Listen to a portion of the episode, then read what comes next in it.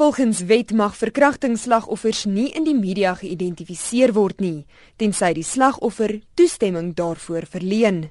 Die 64-jarige Cora Stigling het egter aan Spectrum toestemming gegee om haar naam te noem en ook om met haar dogter Cornel Hamman te praat oor wat Sondag gebeur het. Cornel sê haar ma gee 'n gesig aan soveel ander slagoffers daar buite. Sy sê dit net so reg te steek. Sy wil eintlik hê die volk moet bietjie wakker word en net bietjie besef wat gaan aan. Want so baie mense besef nie eers wat gaan aan nie. Ons word uitgemoor en almal gaan maar net aan. En ek weet nie, sy voel dalk maar net miskien om haar naam te noem beteken dit iets. Baie mense, soos ek sê, hulle hoor en sien en as jy skole en so as ek hulle bel en sê daar het jy op die missie is met kinders se oupa en dan dan kan hulle nou of vereenselwig met die storie. Johan is op die toneel dood en Cora het verskeie beserings opgedoen. Haar arm is onder andere gebreek en sy is Sondag aand reeds geopereer. Ag ja, het nou weer gaan plate neem as dit 'n ou agteraf kop gekry met die lyk like my so in die nek is dit baie blou en sy sê is vir alles seerder en die dokters het nie juist plate daar geneem het ek nou gevra dat daar plate neem en selfs op haar rug dis is baie seer want sy sê dit al vreeslik geskok ook.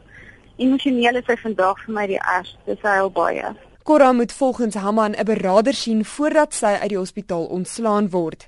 Sy sê die aanval en haar pa se dood sal haar ma vir altyd bybly. Ja, ek dink hy gaan ooit oukei wees. Nie regtig. Die huis was baie vol bloed en goeie. Ons het so wonderlike vriende op die plaas. En hy het gaan skoon maak. En ons gaan na die mat wat my pa daar in die kamer gelê op die mat. Hulle sê die mat is vreeslik vol bloed. So ons gaan na die mat. My man het gereël hy versekering dalk Vrydag die mat kan vervang. En dan gaan ons my ma op maar Saterdag gou 'n bietjie plaas toe vat want sy wil hulle sê soos 'n kar ongeluk of 'n ding sy moet so gou as moontlik maar weer by die huis kom. Nee, dit gaan nie dat sy daar slaap nie. Dus ek dink sy gaan ooit weer laat hy moet teruggaan nie. Sy kan nie. Sy sê die familie sukkel nog om Johan se dood te verwerk en daar kan geen begrafnisreëlings getref word nie omdat die nadoetse ondersoek nog nie voltooi is nie.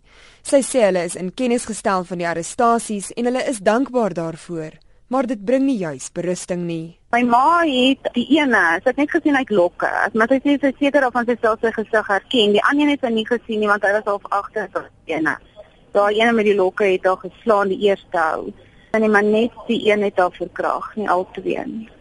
Want ek het eers gedink sy gaan nou maar lê en maak of sy dood is, maar hulle het op 'n manier agtergekom sy is nou nie dood nie. Dis hoekom my ma sê, daar is so baie vrouens, sy wil dit nou bietjie sê dat hulle ek weet nie, weet nie, nie weet nie wat dit kan beteken dalk nie.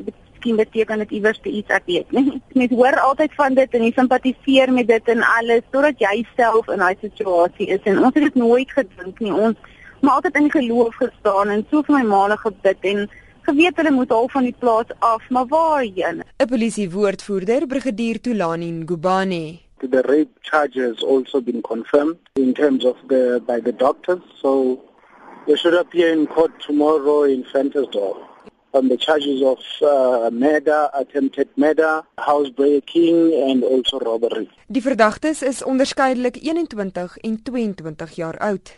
Ek is Henri Wondergem in Johannesburg.